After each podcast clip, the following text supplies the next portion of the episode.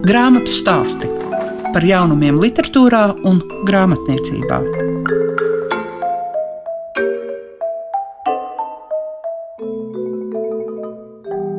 Ja citam prieku sagādā baltais sniegs, tad citam noteikti melnie burti baltajās grāmatu lapusēs ierakstīti. Tā vismaz ceru es, grāmatu stāstu veidotāja Liega Piešiņa. Un šīs dienas raidījumā jūs dzirdēsiet Inesi Zanderi par lasīt prasmēm un lasīt prieku, kā arī Māja Jamoliņa pievērsīsies Marisam Jansonam, sakot viņa vārdus. Es zinu, es nekad nebūšu iedomīgs. Grāmatu stāsti programmā Klasika.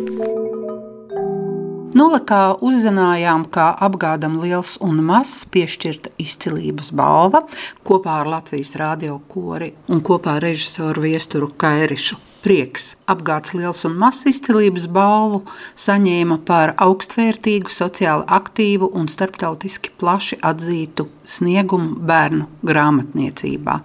Un te nu jāpiebilst, ka šis apgāds piedar pie tiem, kas strateģiski plāno, kā mudināt bērnus lasīt un arī par to priecāties. Izdevniecība arī 2022. gadā saņēma prestižo starptautiskā Boloņas bērnu grāmatu tirgus balvu kategorijā Gada labākais bērnu grāmatu izdevējs Eiropā. Bet šodien raidījumā dzirdēsiet Inesi Zanderi, kura daudz domājas par lasīt prasmēm un lasīt prieku. Ines Zandere Rīgas grāmatas svētku ietvaros vadīja diskusiju sarežģītais teksta uzdevums.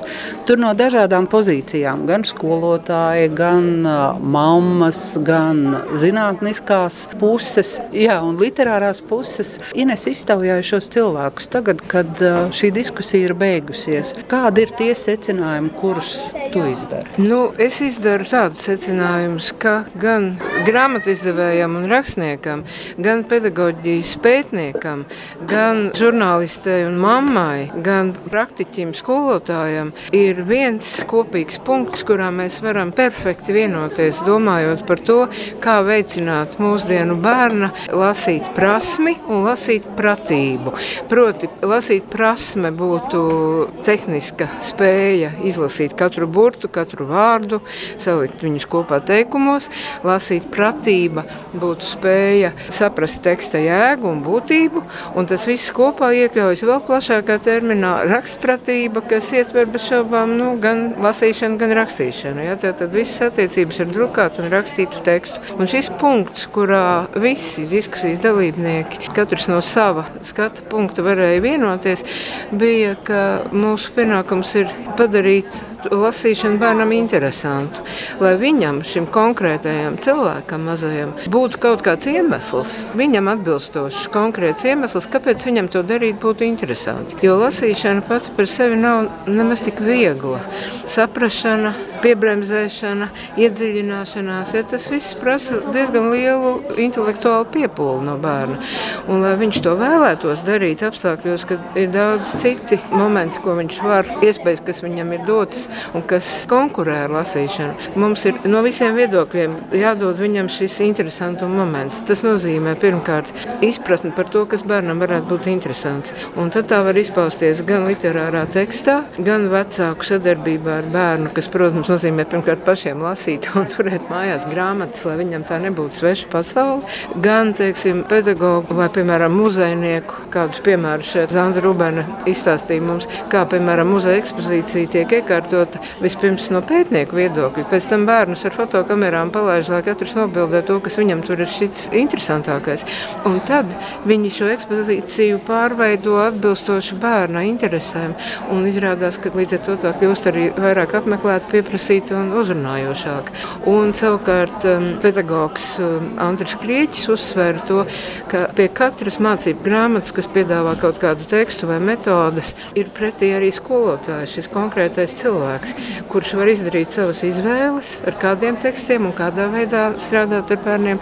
Viņa personība ir arī tas ieinteresējošais, un viņa izvēle var būt nesakarīga un, un, un neveicināt lasīšanu, un var būt sakarīga un un uzrunājoša bērnam. Bet tā taču nepalika tikai kā diskusija. Jā, šoreiz mēs sadarbojāmies ar internetu žurnālu Satori.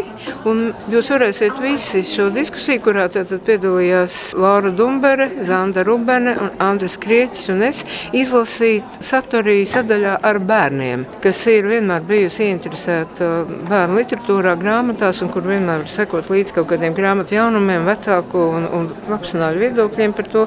Un arī šī saruna tur tiks atspoguļota. Vai nebūtu iespēja tad arī, lai tu kādu no grāmatām, kuru tu iesaki izlasīt, tagad, kā saka, ar savu stāstu pamudinātu atvērt? Es jūs gribu pamudināt atvērt grāmatu, par kuru Zanda Rubene, kura pēta bērnu kultūru un tieši tās digitālos aspektus, ja respektīvi bērnu kultūru mūsdienu pasaulē, kurā dominē ekrāni, telefoni, internets un tā tālāk. Viņa šodien īpaši uzsver, cik vērtīgi viņai ir Andrus Kivireka grāmata Oskars un lietas. Proti, tas ir puika, kurš aizbrauc uz laukiem pie vecmāmiņas, un aktu ķeza viņam telefons ir palicis Stalinā, un arī internets, protams, viņai mājās nav. Un tad ir tas asprātīgais risinājums, kā viņš no šīs situācijas iziet un kā viņš it kā turpinādams to savu paradumu, jo, kā Zanda teica, cilvēks ir paraduma radība.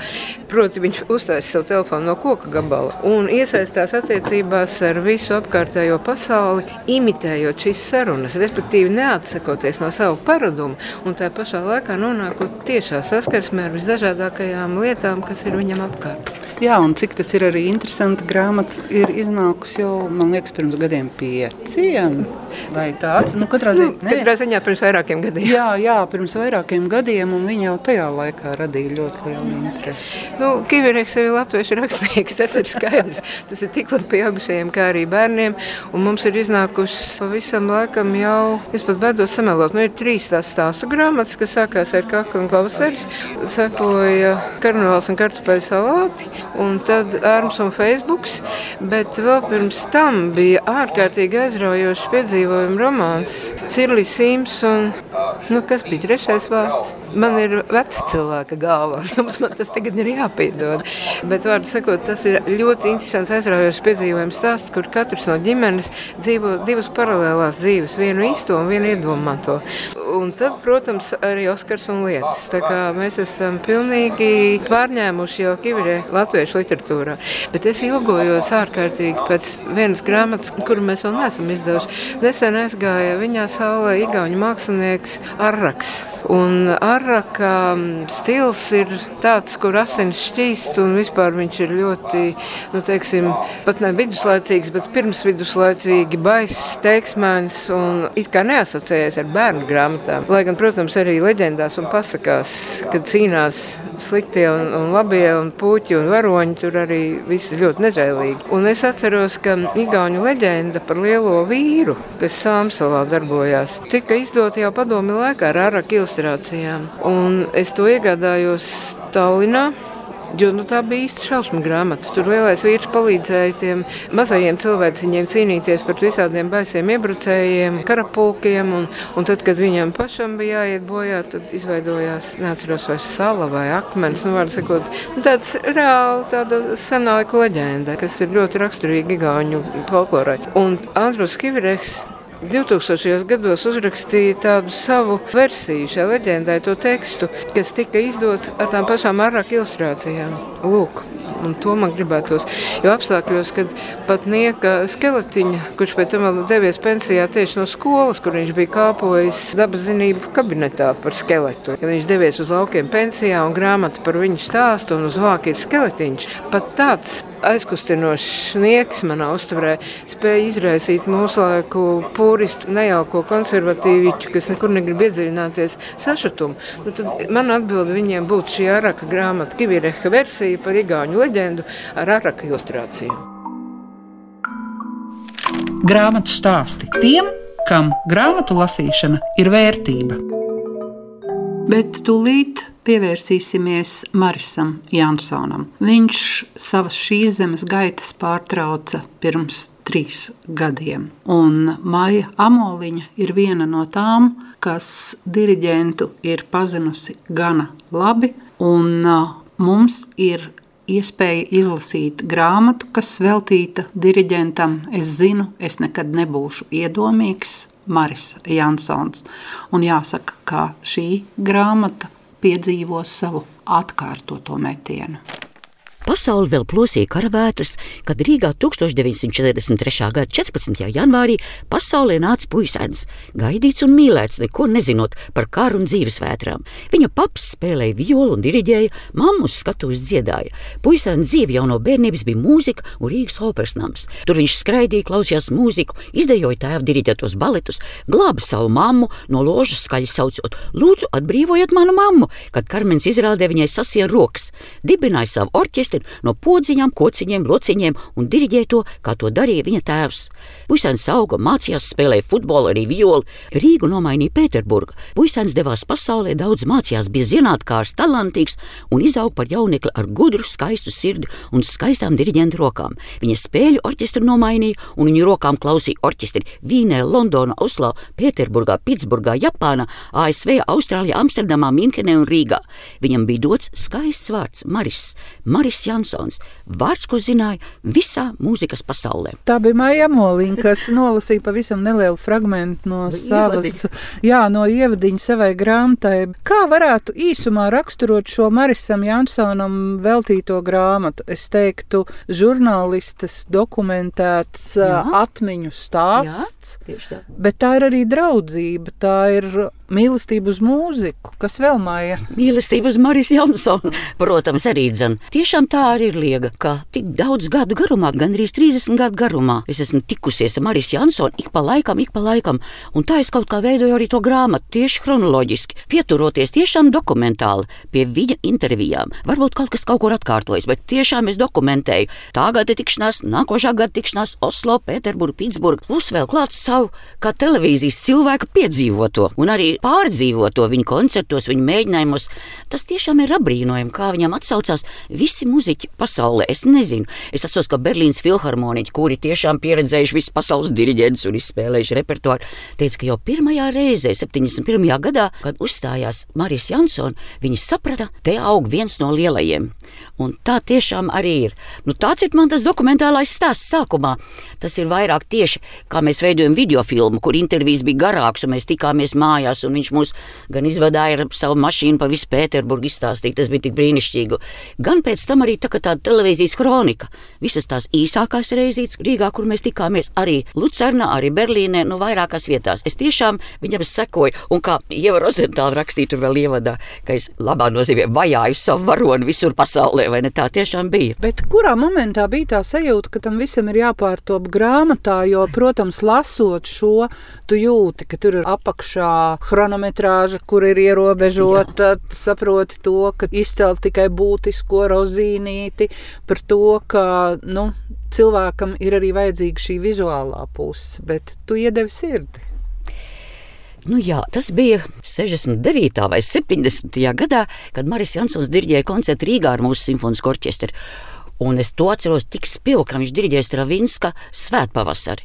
Un es domāju, ak, kungs, kāds diriģents nu, tik izteiksmīgs, tik izskatīgs, varētu pat teikt, ka pilnīgi visu laiku jāskatās uz to diriģentu. Un tā tiešām man viņš iekrita sirdī un vienmēr tur palika. Kaut kādā brīdī es aizmirsu, bet atkal tas uzpeldēja. Un sevišķi tas uzpeldēja tad, kad viņa tēvam es veidoju piemīs raidījumu un braucu uz Pēterburgu, lai satiktu viņa mamīti un arī Marisu klātieniem pirmo reizi. Es nezinu, viņš kaut ko uzticējās, un tad, kad viņš bija Rīgā uz operas atklāšanu, viņš tiešām pirms tam jau bija zvanījis un pateicies par tēvu. Tas bija ļoti pārsteigts, ka Marijas Jansons piezvanīja man nogrē. Un tad, kad viņš atbrauca uz Rīgu, viņš man atcerējās no Pēterburgas, un tad man bija kaut kāda jau labā nozīmē piekļuva viņam. Viņš kaut kā ļoti uzticējās. Viņš laikam redzēja tiešām manu patieso arī ieinteresētību, un visus raidījumus, ko pakāpeniski veidoja pa viņu, vienmēr viņam bija jāizsūta. Un viņš tiešām katreiz arī atsaucās uz to. Viņš teica, ka ļoti muzikāli viņa veidot ir, un viņam tas ļoti patika. Tagad tas impulss bija tāds, ka tiek veidot starptautiski filmu, viens ārzemju režisors man jūra veido filmu, un tā kā faktiski visi Marijas Jansona raidījumi, kas lasīt televīzijā, ir mani. Tad mani piesaistīja sameklēt arhīvus, un tas man atkal vēlreiz visu uzpeldēja. Visa tā dzīve kopā ar Marijas Jansonu, tā varētu teikt. Un tad es vienkārši rakstīju un atšifrēju tās intervijas, un vienkārši es visu redzēju, kā mēs braucam, ko mēs darījām, kāds Marijas izskatījās, kāds viņš bija nogurs cik viņš bija pacilāts, cik viņš, piemēram, Pitsburgā, kad pēc trīs koncertu pēc kārtas, kad viņš Pēc koncerta man tā paķērās zem rokas, un es Maija, kā es esmu noguris. Es zinu, tā es esmu piedzīvojis tos brīžus, viņa tādus tik pacilājošus. Un arī tomēr redzot to, cik tas ir grūti un cik tas milzīgi piepūli un enerģija viņam prasa. Jo viņš ir pilnīgi atdevīgs tai muzikai, pilnīgi un galīgi. To arī visi tie orķestranti sako, esmu pasaulē intervēs, ka viņš pilnīgi dzīvo mūzikā no pirmās takts līdz pēdējai. Es zinu, es nekad nebūšu iedomīgs, Maris Jansons, ka tā ir arī grāmata, kur tiešām var sajust lielas personības pieskārienus. Kāpēc tāds nosaukums? Tāds nosaukums. Man tiešām pirmais ienāca prātā šāds nosaukums, jo es redzu un dzirdu, kā Maris to pasaka. Tas bija Oslo. Viņš teica, kāpēc saka, esmu laimīgs. Viņš saka, es zinu, es nekad nebūšu iedomīgs. Tāda panākuma varēja mani samaitāt bet es ienīstu principā iedomīgi. Viņš saka, es atceros interviju, varbūt es viņu tā neuzrakstīju šeit, ka to nevar izjust. Bet Pēterburgā, kas bija rekvijams viens no pirmajiem koncertiem viņam pēc slimības, kad mums bija tādas emocijas pilns, ka tu priecājies, kad diriģents diriģē, un arī reizē satraucies par viņu milzīgo atdevi. Un es atceros to interviju, ka viņš aizvēra durvis, un viņš vēl ar tādu, nu, zīmogu sejā ar tādu aizlaustu balsi un stāstīja, kā tas ir, kad viņš bija tik tuvu nāvei, un ka tā, tā tagad viņam tiešām ir saruna ar Dievu, vai ne, šajā koncertā. Nu, kā man viens šāds liels cilvēks, liela personība, tik dziļi var atklāties, tiešām savas izjūtas parādīt. Man ir bijuši tur ļoti īsi brīži, piemēram, Lucernā, kad viņš tiešām arī slikti jutās, bet viņš iedeva kaut vai tur divus teikumus. Viņš teica, Maiņa, ar jums es vienmēr runāšu. Es domāju, ka tas man ir kompliments, tāda uzticība liela. Kas pienāk, tas savādākais, tas akcents, ka tā ir grāmata. Nevis tas ir video vai sižets vai, vai filma. Teicu, ka, piemēram, es tiešām to visu rakstu redzot. Es nezinu, kā tas izskatās. Kā tas asās, jo, zini, kā bija, man jau liels palīgs bija. Tiešām man tāda gudra galva blakus ir mans dēls Andris, kurš ir arī starptautiska zinātnes žurnāla redaktors. Un es uzrakstu, un es viņam lasu priekšā. Viņš man saka, tu nelasi, jo citi nedzirdēs to tavu intonāciju, vai to var uztvert. Bet to, ko redzēju, ko jūtu, To es rakstīju. Nu, protams, dokumentālās intervijas. Pašai tagad tās dokumentālās intervijas šifrējot un nu, vienu vietu saliekot, bija arī pašai kāds pārsteigums par to, ka, nu, o, to es negaidīju vai neatcerējos. Zini, man jāsaka atklāti, es praktiski atcerējos. Es vienkārši kaut kā Marijas Jansona zināju no galvas, kā Māris Sirmais nesen teica, nu, ja Maija jau mīl pasaulē tikai vienu diriģentu, tas ir Marijas Jansons. Tas no viņa puses greizsirdīgi. Kaut gan es tiešām esmu taisījis par nu, gandrīz visiem nu, lielāks un mazāks intervijas ar visiem mūsu diriģentiem un komponistiem. Tā tas tiešām ir. Un es tiešām vairāk mīlu, un man prāt, ka man labāk izdodas raidījumi par diriģentiem. Varbūt tāpēc, ka es esmu niecīgs gariņš, arī pati kā kordiriģents, vai es tomēr kaut kā izjūtu uz diriģents, viņu vispusību. Tomēr. Tas nav tā kā viens solis dziedātājs ļoti uz sevi centrēts. Diriģents tomēr redz to pasauli lielākā mērogā, plašāk, visu to mūzikas dzīvi, un viņam ir tik daudz ko darīt. Kā viņš teica, viņam jāuzbūvē ir tā mūzikas ēka mēģinājumā, lai redzētu, cik skaista tā ēka izskatās koncertā.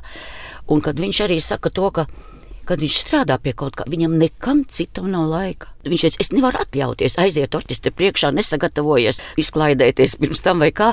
Viņš saka, man ir līdz pēdējiem sīkumam jālasa, jākoncentrējas tieši uz to komponistu, uz katru darbu. Un tāpēc Berlīnas filharmoniķa koncertmeistars arī tā teica. Viņš saka, viņš nāk tik gatavs uz katru mēģinājumu.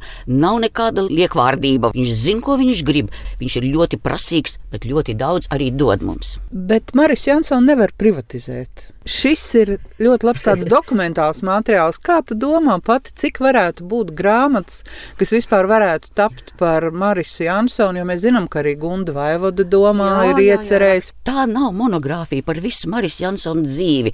Es tiešām vēlējos, un man liekas, man pat tas pienākums kaut kā atstāt tās atmiņas, jo viņš tomēr ir veltījis man ne tikai sekundes un stundas, bet dienas pat mēs esam bijuši arī kopā. Un tas tiešām ir svēti brīži, ko es atceros, un tas ir tik aizkustinoši. Tu jūties kaut kā viņa klātbūtnē īpašs. Tā ir viņa aurā. Tur ir tas viņa noslēpums. Es domāju, kāpēc viņa orķestri mīl, ka viņš nav vienkārši izcils mūziķis, bet viņš ir vienkārši nu, izcils cilvēks, cilvēciskās īpašības, viņam ir neparasts, kas kādreiz diriģentiem nav. Bet viņam tiešām tas ir, un var jau smieties, ka es viņu it kā privatizēju tajā grāmatā, bet es jau to atklāti saku, tas ir mans televīzijas žurnālists piedzīvotais, un ka noteikti būs grāmatas, būs filmas, ir tik daudz materiālu arī internetā atrodam, ko raksta viņa brīnišķīgais orķestrs Bavārijas rādio, ko viņš tiešām tā mīlēja un kas viņu tā mīlēja.